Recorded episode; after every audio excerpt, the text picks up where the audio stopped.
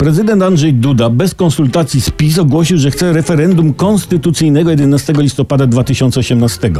Politycy bliscy prezesowi Kaczyńskiemu twierdzą, że prezesowi to się nie podoba. Jak to mógłby zakrzyknąć ktoś nieznający naszych realiów, czyli na przykład przybysz z Panamy? Co, co ma prezes partii do głowy państwa? Odpowiadamy. Ktoś musi prezydentem i rządem kierować, bo sami nie uciągną.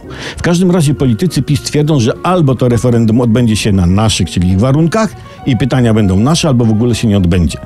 No, no to są ludzie na pasku kodu. No ale dlaczego prezydent Duda samodzielnie wyskoczył z tym referendum. No, no cóż, honor and ambicja.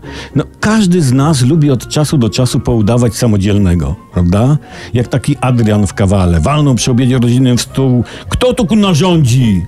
Adrianku, co ty dziecko, protestują rodzice. A Adrianek na to, zapytać nie można.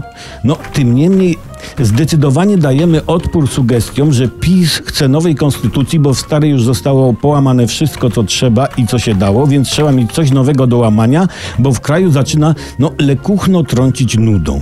Takie sugestie jeszcze się nie pojawiły i ja tak na wszelki wypadek tylko to mówię.